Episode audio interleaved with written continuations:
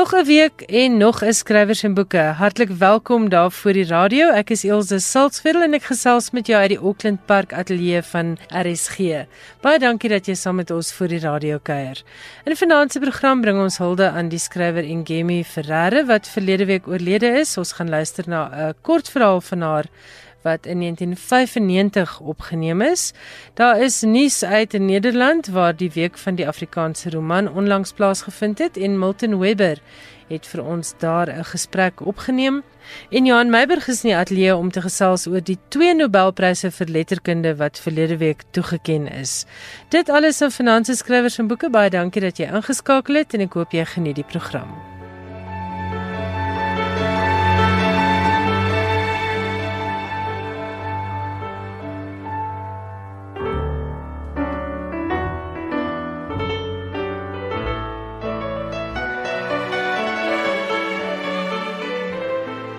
Ons skop af met nog 'n bydrae deur Milton Webber. Hy het vanjaar die week van die Afrikaanse roman in die Laalande bygewoon. Die week van die Afrikaanse roman is 'n literêre fees wat poog om Afrikaanse skrywers en die Nederlandstalige leserspubliek bymekaar uit te bring. Sommige van die skrywers van Suid-Afrika wat hierdie week bygewoon het, se werk is reeds in Nederlands vertaal en ander sal na verwagting binnekort vertaal word. Milton het 'n vertalerslypskool bygewoon waar tydens vertalers Karen Breinhardt se roman Tuisland behandel het en hier is daardie bydrae. Ons is hier in Suid-Afrika huis as deel van die week van die Afrikaanse roman het ons pas 'n vertaalwerk seksie bygewoon. Dit was onder leiding van Rob van der Veer. Hy's 'n ervare vertaler en bekend vir sy vertalings van onder meer Buys van Willem Anker, die werke van Brink en Karel Skooman. Ons het ook vir Doreen De Vries, sy is bekend vir die vertalings van Irma Huber en Def Malan en sy het ook gewerk aan die vertalings van werke van onder andere Breiten Breitenbach en Renelda Kamfer. En dan het ons vir Martine Vosmaar en sy het al die werke van Dion Meyer, Etienne van Heerden en SJ Noudee vertaal. En laastens het ons die skrywer wie se werk ons vandag behandel het, Karen Breiner self hier om ons haar indruk te gee. Met watter boek was ons vandag besig? Die die naam van die boek is Tuisland en ons het daar uh, vier bladsye uit gekies. Uh, een bladzijde was met een klein gedichtje. En ik heb dit gekozen omdat die verschillende vertalers, wat dit het vertaald, het misschien ook moeite gedaan om die ritme van die gedichtje ooit te, te brengen in Nederlands. En bij bijeenkomst van vanmiddag heeft Karin Breinaar ook ons verteld dat dit juist baie belangrijk is om die ritme van die gedichtjes weer te geven. Wat was van die uitdagings wat uh, julle besonder in hierdie boek mee te maken gekry het? Dat was denk ik die mengsel van Engels en Afrikaans. Is altijd een probleem voor die Nederlandse vertaler.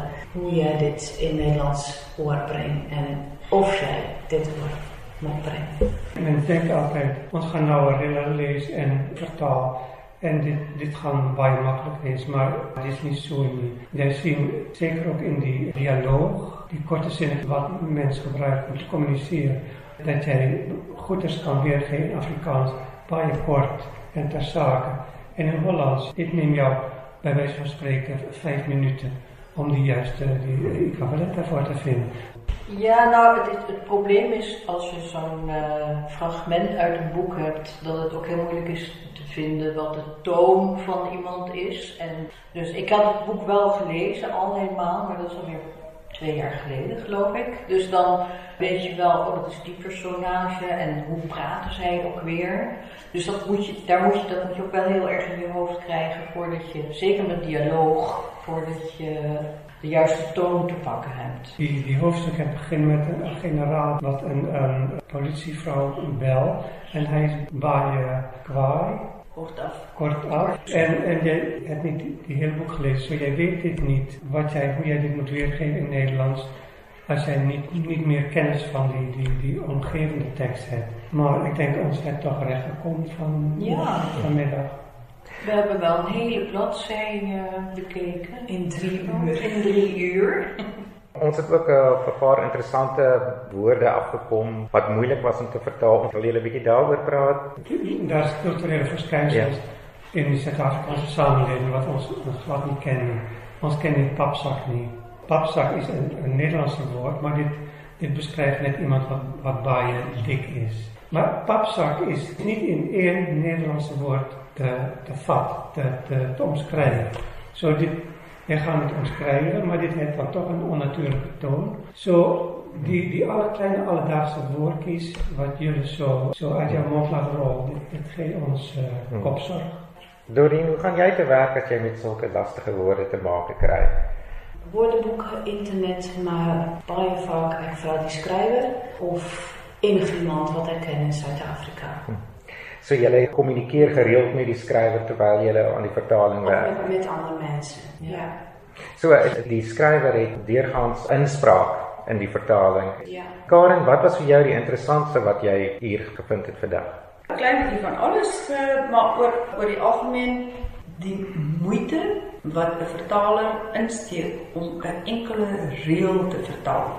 En dit gaan nie soseer daaroor om die juiste woorde te vind as jy 'n enkele sin in 'n ander taal oorsit, dan sit jy 'n een kultuur moet jy oorsit in 'n ander kultuur of jy moet die kultuur met jou bestaan verstaanbaar maak vir lesers uit 'n ander kultuur. En hoe vat jy die konteks van 'n enkele sin en dan in daai sin het jy miskien het jy die onderbou van verskillende verskynsels in die Suid-Afrikaanse samelewing. Jy het die rasseverskil, die klasseverskil, jy het taal gebruik wat sê nou maar alleen polisiemanne gebruik of geriep Afrikaans en hoe vertaal jy dit in die Nederlands? En dit was baie ontsettend interessant om te sien dat 'n hele tafel vol met verskriklike intelligente mense wat al van die grootste letterkunde in Afrikaans na Nederlands vertaal het, so lank kan stil staan, 'n uur kan stil staan by 'n enkele paragraaf. Ja. En die lastighede wat ons hier bespreek het vandag met die vertaling van Afrikaans in Nederlands, het dit jou verbaas? Nie soseer verbaas nie want ek ken 'n heel klein bietjie Nederlands ken ek wel, maar die lastigheid van van die valse vriende, die sogenaamde valse vriende, woorde wat uh, dieselfde klink en of dieselfde is in Afrikaans en in Nederlands maar tog betekenisverskille het. En sê my Rob, hoe sou 'n mens dan te werk gaan om vas te stel of 'n boek wel geskik is vir die Nederlandse mark? Vroeger waar was er 'n groot groep Nederlanders wat baie geïnteresseerd was in in apartheid en die Boereoorlog. Maar dit is nou voorbij en daar is een nieuw Zuid-Afrika ontstaan. Zo, daar zijn nieuwe dingen nodig om die, die aandacht van die Hollanders te krijgen. En vergeet ook alsjeblieft niet in, in Nederland ons vertaal uit Koreaans, Spaans, uit al die talen van die wereld. Zo die competitie voor Afrikaanse romans is baie groot. Die roman moet iets sterk oorspronkelijks hebben om, om naar Nederland te kunnen. Zo dit moet zo krachtige literatuur zijn of zo'n sterke nieuwe onderwerp dat ons glad niet kennen. En dan is dit uh, goed voor vertalen. Die vertaaltraditie in, in Nederland is baie sterk. Ja, is baie sterk. Ja, dan wel. En mense dink dit dalk nie, maar dit is wel nodig om Afrikaanse boeke te vertaal in Nederlands. Nederlanders kan nie net uh, Afrikaanse boek optel en begin lees nie. Maar die kennis of die besef van Afrikaanse boeke behalwe nou vir 'n week soos die Afrikaanse roman is is daar so 'n besef van die bestaan van die boeke en is daar me, uh, Nederlanders wat wel bereid sou wees om Afrikaans net so te lees. Jy vra dit aan jy vra dit vir mense wat baie lief is vir die taal en wat wat uh, elke week 'n Afrikaanse boek lees by wyse van spreke en wat kyk op die internet wat en luister naar RSG, luister naar RSG uh, om te horen wat voor nieuwe boeken daar in Afrika uh, verschijnen. Maar die boek moet, ik denk niet dat er bij mensen wat specifiek gericht is op Afrikaanse literatuur, Nederlandse lezers, willen lezen het boek omdat in die krant, omdat er een recensie verschijnt heeft. En die recensent heeft gezegd, jullie moeten het lezen. Die kwaliteit moet groot genoeg zijn. Dan kan ons 'n bietjie praat oor die proses van vertaling. Sou julle sê dit het oor die afgelope paar dekades verander of doen mense maar nog dieselfde as 30 jaar gelede?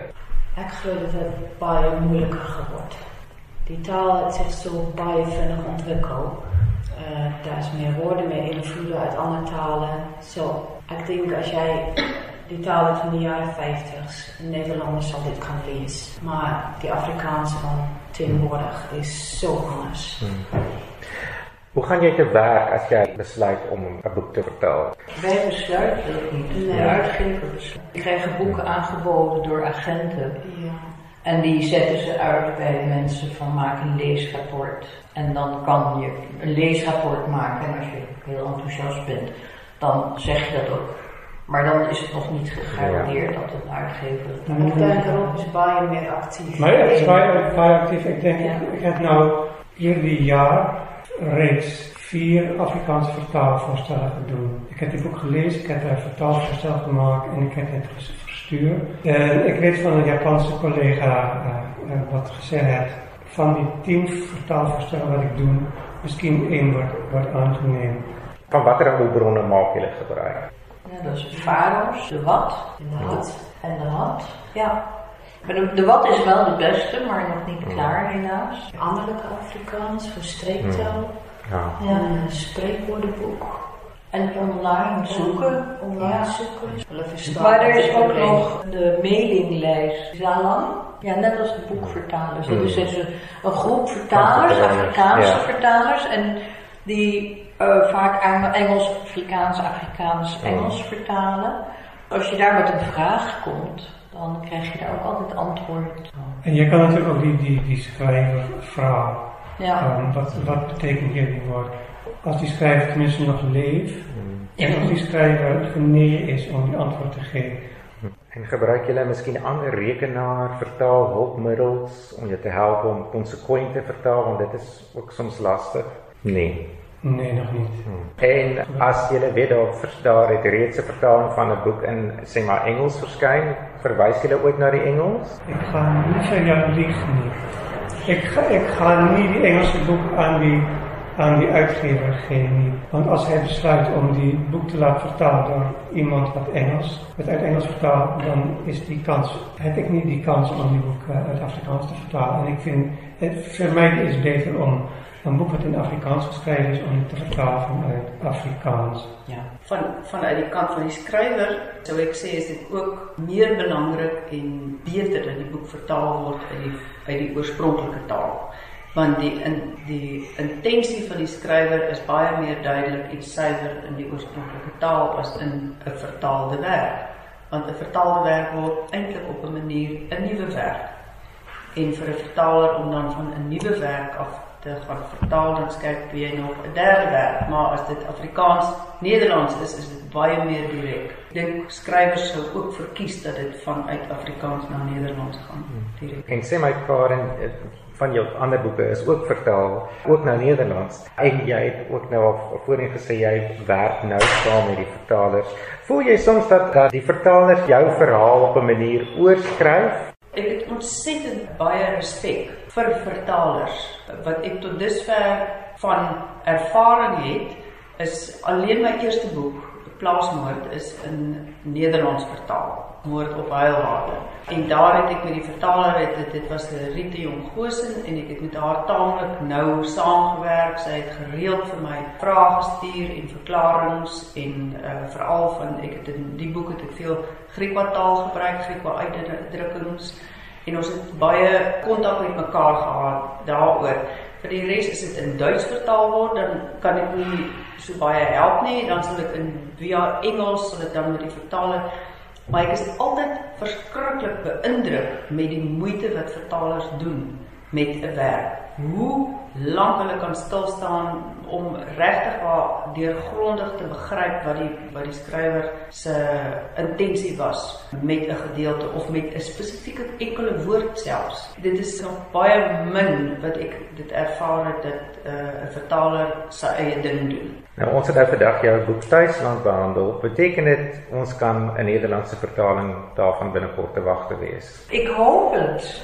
Ik heb een, uh, een leesrapport geschreven voor Bruna en het zeer aangeraden, maar ik ga ze nog weer eens benaderen. Ja, want zij geven ook de boeken van Deel Meijer uit, dus nou, daar past het. Mooi. Martine is mede-vertaler aan, aan Dion Meyer se boeke. En Dion Meyer is, uh, is ontzettend succesvol in, in Nederland. Dankzij Martine en, uh, En Carina. Dit was dan 'n werksessie. Ek het met 'n paar van die vertalers gepraat en die skrywer van die boek Tuisland, wie se werk ons hier behandel het. En hier is nog 'n bydrae deur Milton Webber. Hierdie keer het hy gesels met Wilda Jansen, een van die genooide skrywers wat die week van die Afrikaanse roman in Nederland gaan bywoon het. Ek gesels hier met Walda Jansen, wenner van onder andere die Rabie-prys vir letterkunde vir haar roman Hy kom met die skoenlappers. Walda, wat het jy alles tydens die week van die Afrikaanse roman gedoen en wat het dit vir jou beteken? Dit was 'n baie vol program. Ons was by verskeie optredes in verskeie stede. Ons het baie rondgery. Die een ding wat vir my uitstaan en wat ek vir baie lank sal onthou is dit die kameraderie onder die skrywers. Rihanna en Karen het, het ek voorheen al ontmoet. Was eerste keer met Eben Venter en Pieter Odendaal en Fraser en Daniel. Maar ons het almal sommer geklik van die begin af. So ons voel nou soos 'n familie en is nou vir ons baie swaar om nou van mekaar af weg te gaan. Die ander ding is hier is so 'n ongelooflike groot belangstelling in letterkunde. Dit was vir my 'n groot ervaring, né? Mense wat kom luister, hulle weet van jou en hulle weet van jou boek. Baie van hulle het die boek self gelees en hulle kan met gesag ook daaroor praat. Want ek wou nou juist vir jou gevra het, wat is die belangrikheid van die week van die Afrikaanse roman vir spesifiek vir Afrikaanse letterkunde? En ek dink dit gee vir Afrikaanse skrywers 'n uh, jy weet dit plaas jou amper so uh, op 'n internasionale vlak waar jy buite die land is en dan amper van buite af kan terugkyk na Suid-Afrika want ons moet nou die hele tyd oor jou boek praat, maar jy praat oor die boek in die konteks van Afrikaans en in die konteks van Suid-Afrika. En nou sit jy fisies ook buite Suid-Afrika en ek dink dit is dit wat dit vir mens soos 'n ander blik. Dit gee vir jouself ook 'n ander blik op jou eie werk. En ehm um, ja, net natuurlik is dit te, vir Afrikaanse skrywers 'n groot ding omdat uh, ons tog hierdie band het met Nederlands en om hier te kom en en te sien hoe mense hier in Europa ook belangstel in in Afrikaanse letterkunde. Jy was nou vir 'n rukkie op besoek in Duitsland.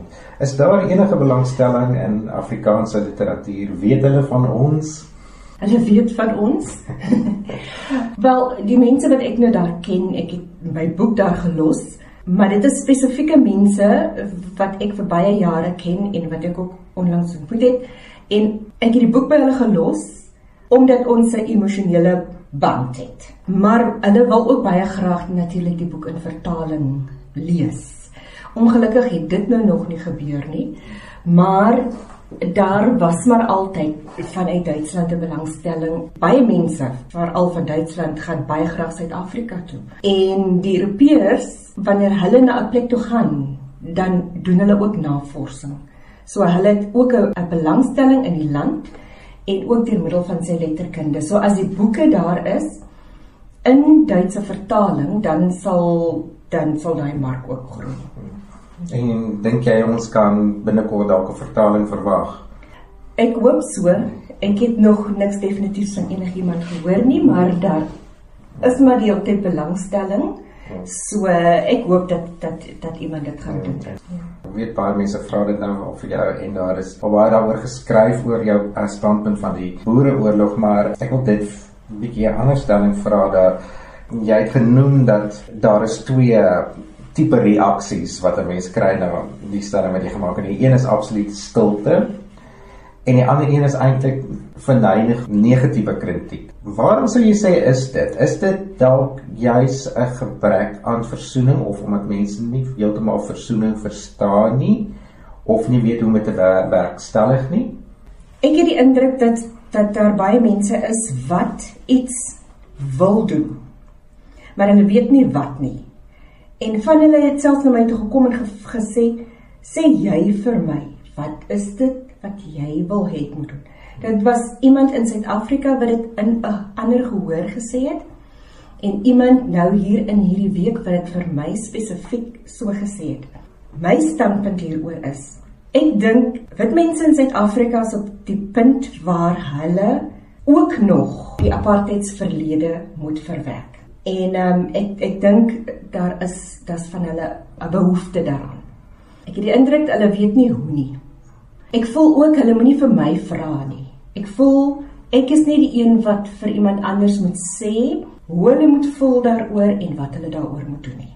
Ek verstaan eintlik ook hoekom hulle so sê want in Suid-Afrika was die wit stem op baie vlakke so oorheersend vir so 'n lang tyd dat na apartheid is daar hierdie gevoel o ons moet seker maar nou eers maar stil bly want die ander stemme moet mos nou opkom. Maar dit is so. Maar ek voel tog daar is in Suid-Afrika van mense wat voorheen onder druk is, is daar tog 'n sterk behoefte om om te hoor hoe voel wit mense oor dit wat gebeur het in die land. Apartheid kolonialisme, slawerny. Al daai pyn is nog daar. En ek dink op hierdie stadium weet niemand regtig hoe nie. Ek is seker as daar iemand gaan opstaan en 'n beweging of 'n ding begin, maar ek is ook nie seker of of so iets sal werk nie.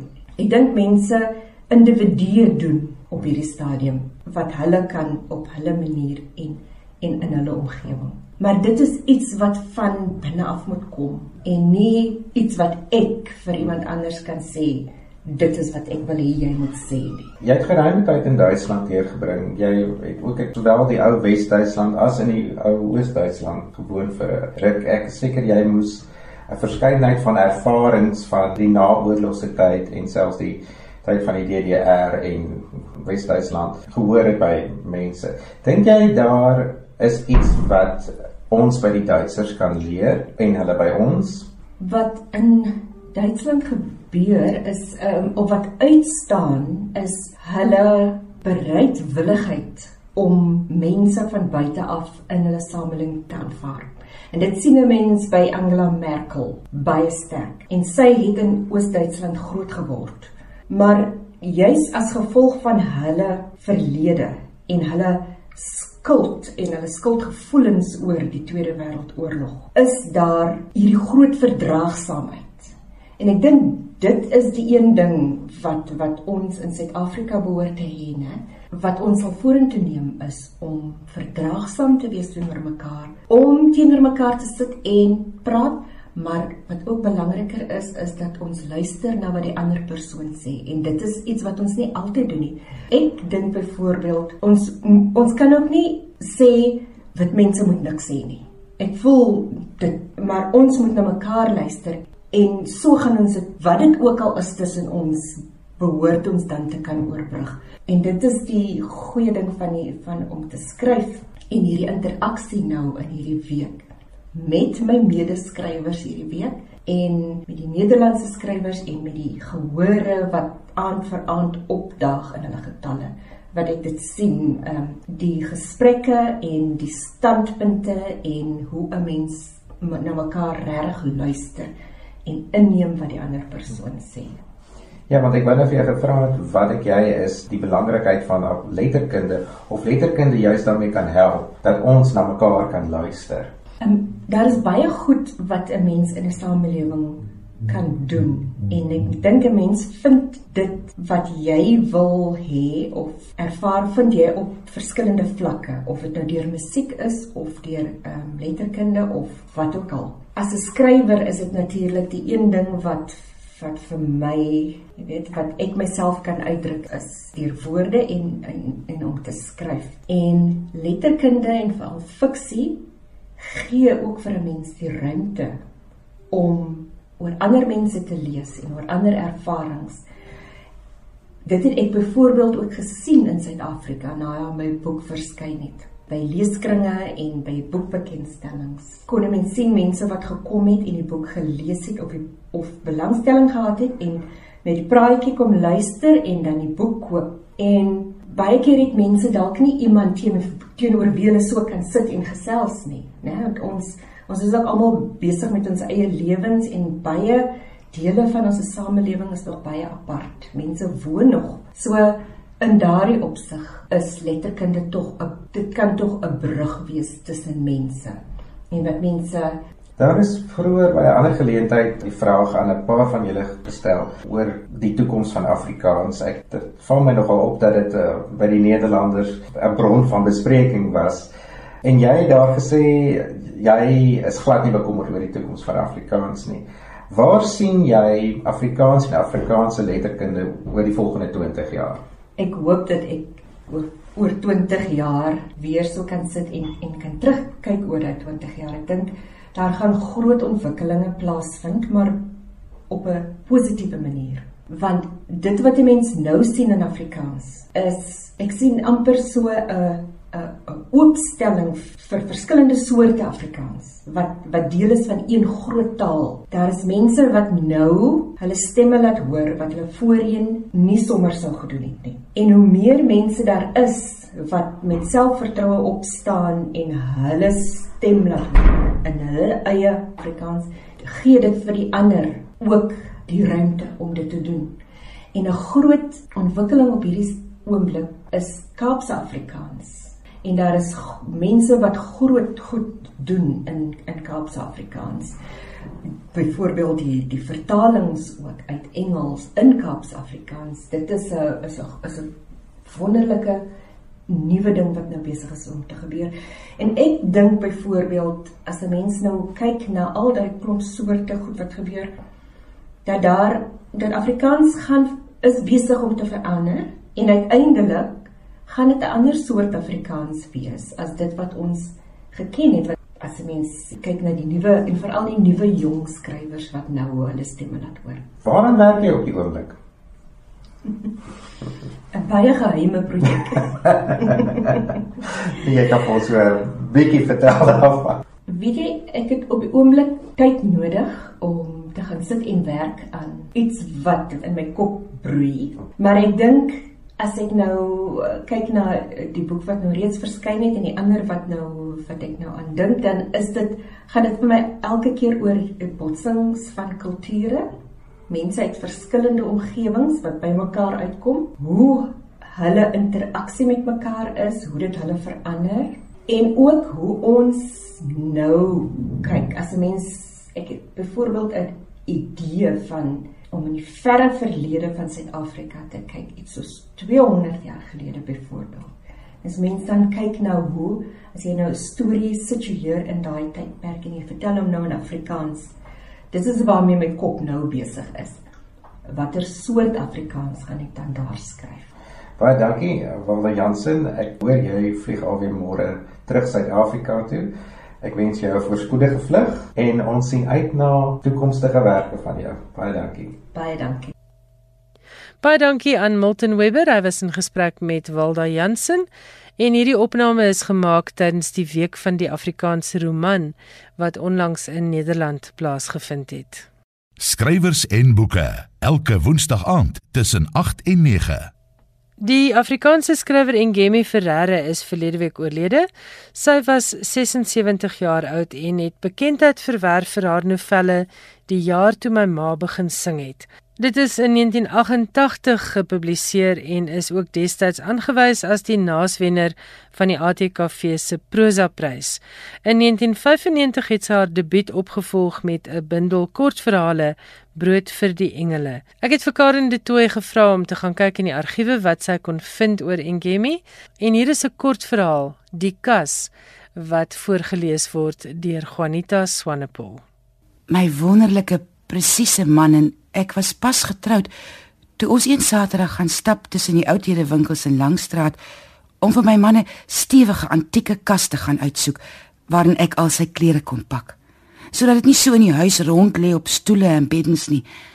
Want my man is 'n man wat hou van netheid en hy dring altyd daarop aan dat alles rondom hom georden moet wees en Nadat my man en ek uiteindelik die kas met 'n groot gesukkel en met die hulp van die oudhede handelaar in die slaapkamer reg oor die bed kon staan maak, het ek eers vir my man en die handelaar tee gemaak en vir hulle geneem na die sitkamer waar my man aan die handelaar verduidelik het hoe min hy hou van die see. En toe ek met sorg my man se klere netjies in die laaie gepak.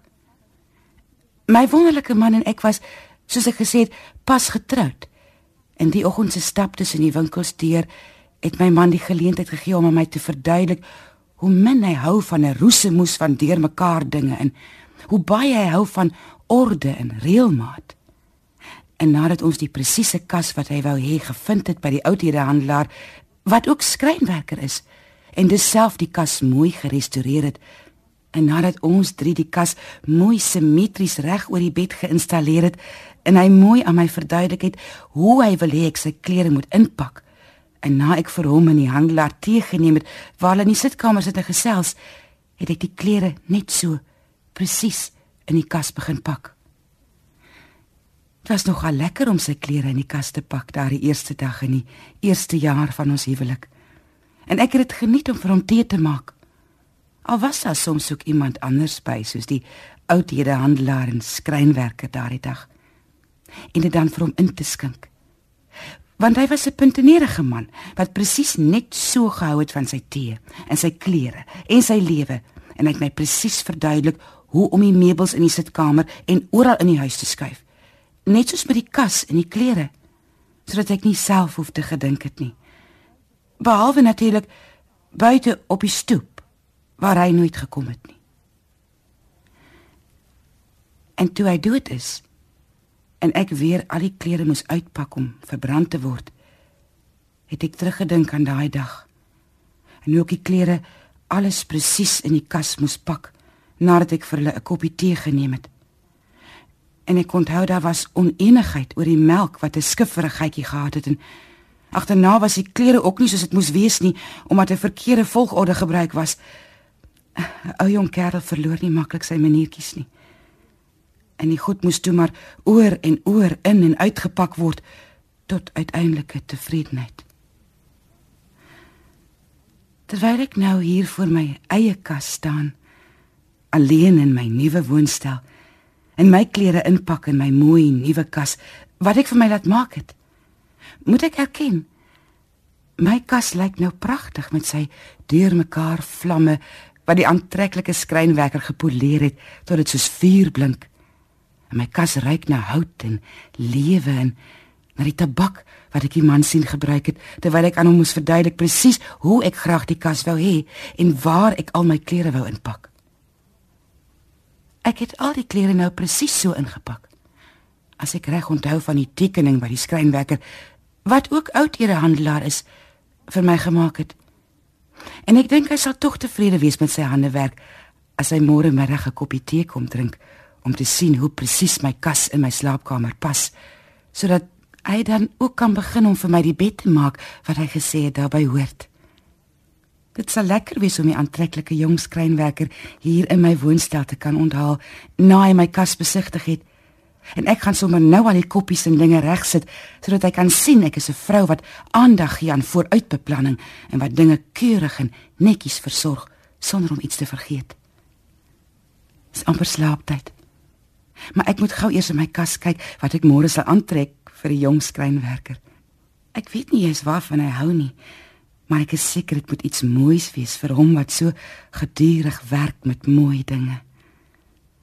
Hy sal instap hier in die kamer en met vreugde kyk na die kas wat hy gemaak het en sien hoe die klere ingepak is presies soos hy gesê het.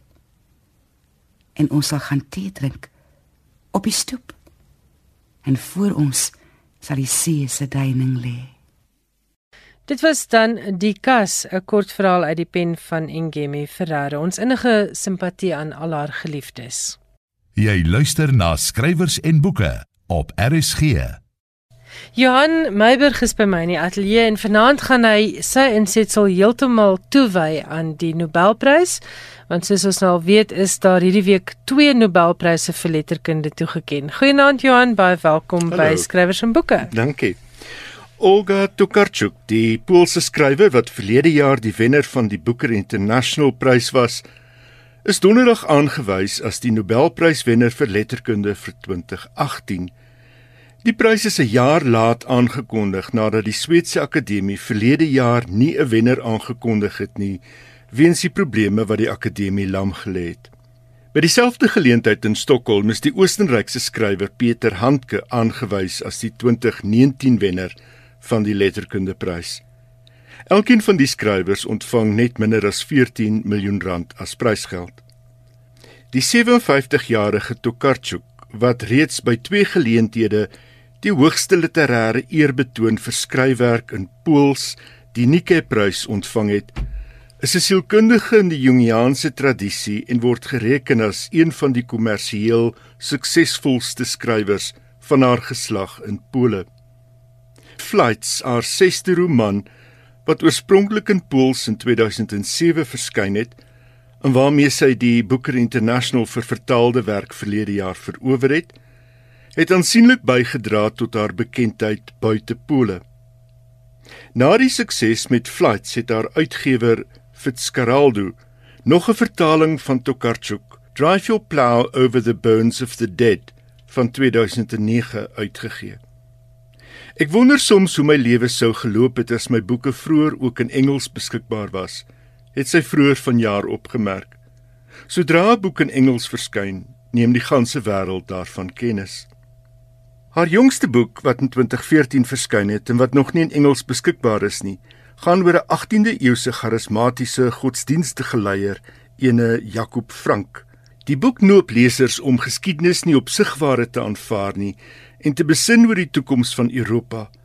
Aspekte wat aandag kry in die roman is onder meer verdraagsaamheid en hoe om vanuit 'n praktiese en morele perspektief sin te maak van iets soos die vlugtelinge in Sentraal-Europa.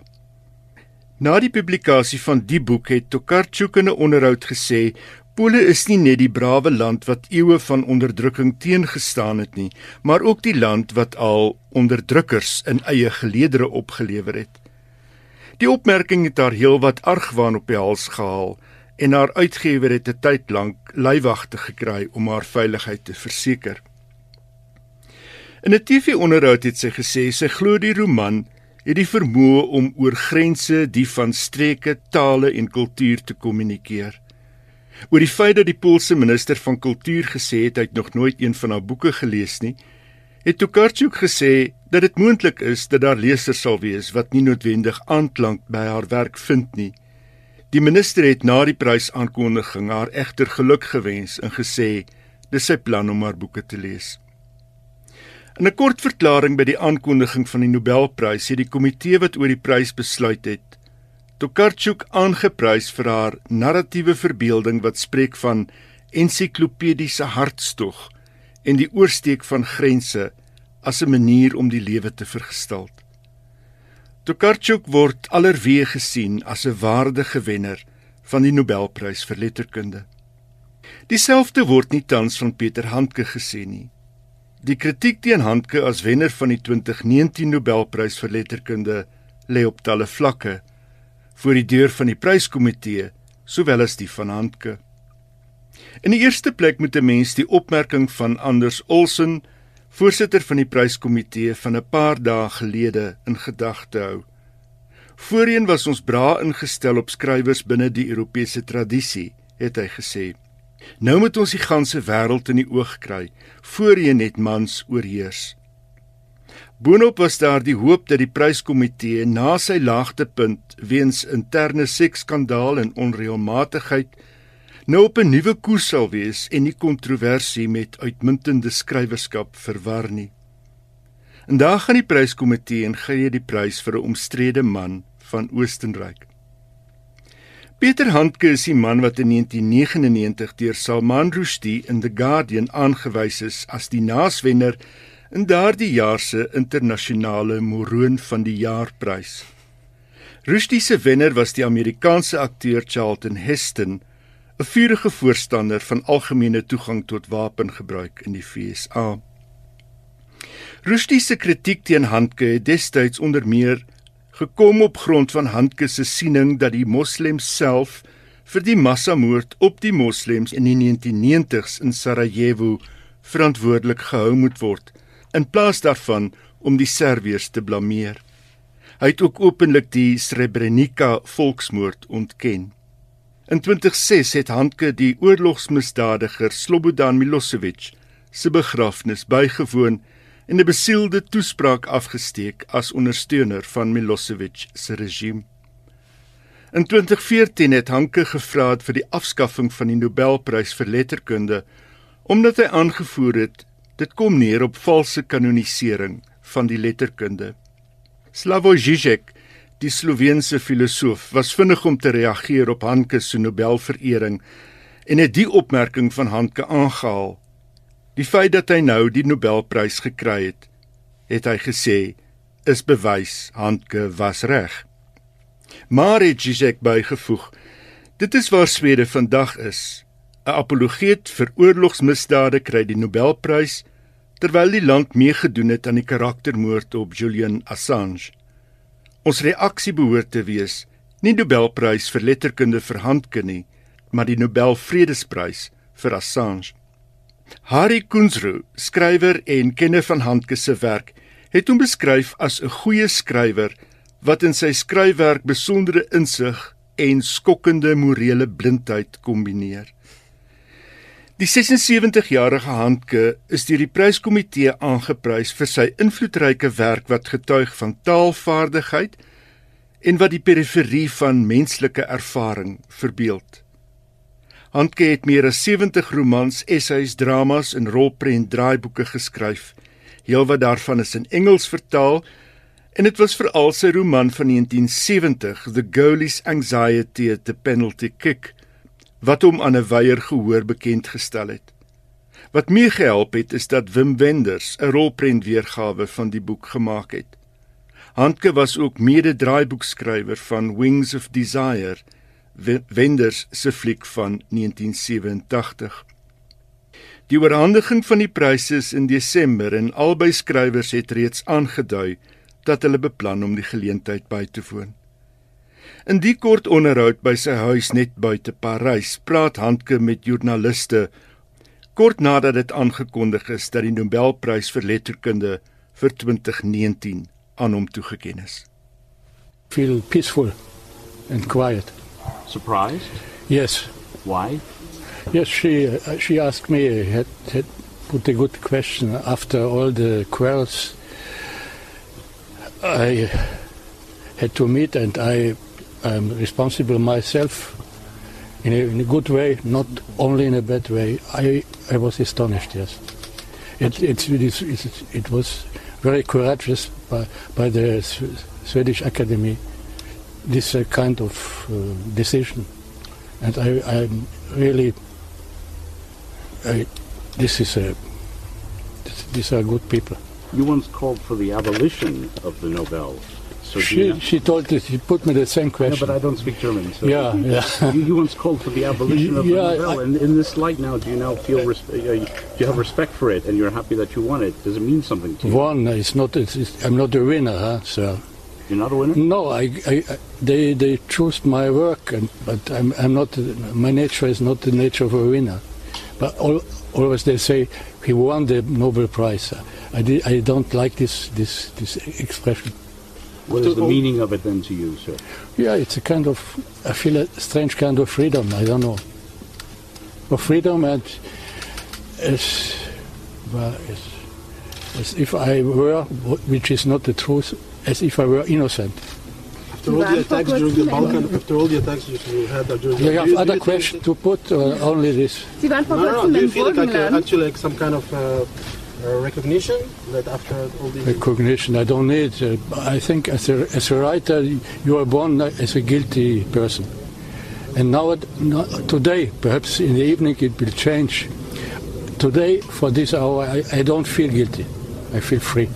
Perhaps, perhaps at six o'clock in the evening, I, I will become again guilty. Why guilty? Why guilty? Why, why, why, why? Are you going to celebrate? How? Hmm? Are you going to celebrate? I don't know how to do, how to do it. Wissen I, I, I would like to drink, but I, I didn't eat anything today.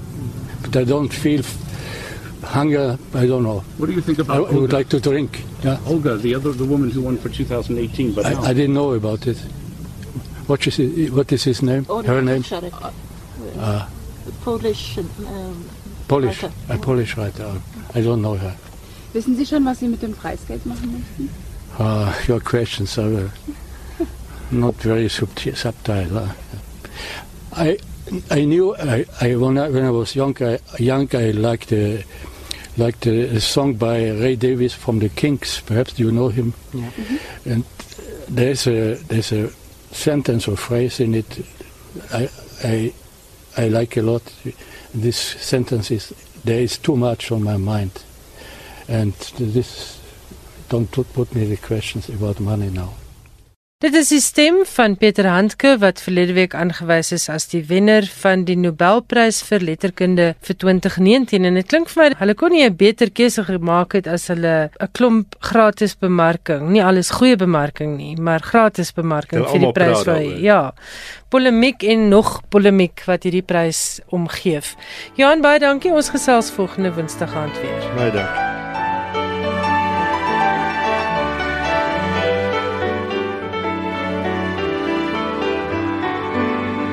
En soos altyd beteken Johan Meiburg se bydrae dat ons aan die einde gekom het van vanaand se aflewering van skrywers en boeke. Baie dankie dat jy saamgeluister het. Die SMS nommer 45889 en my e-posadres is skrywersenboeke@rsg.co.za. Tot ons weer gesels volgende Woensdag aand om 8uur groet ek Elsje Salzwetel. Geniet jou week en ek hoop jy het wonderlike boeke om te lees. Totsiens.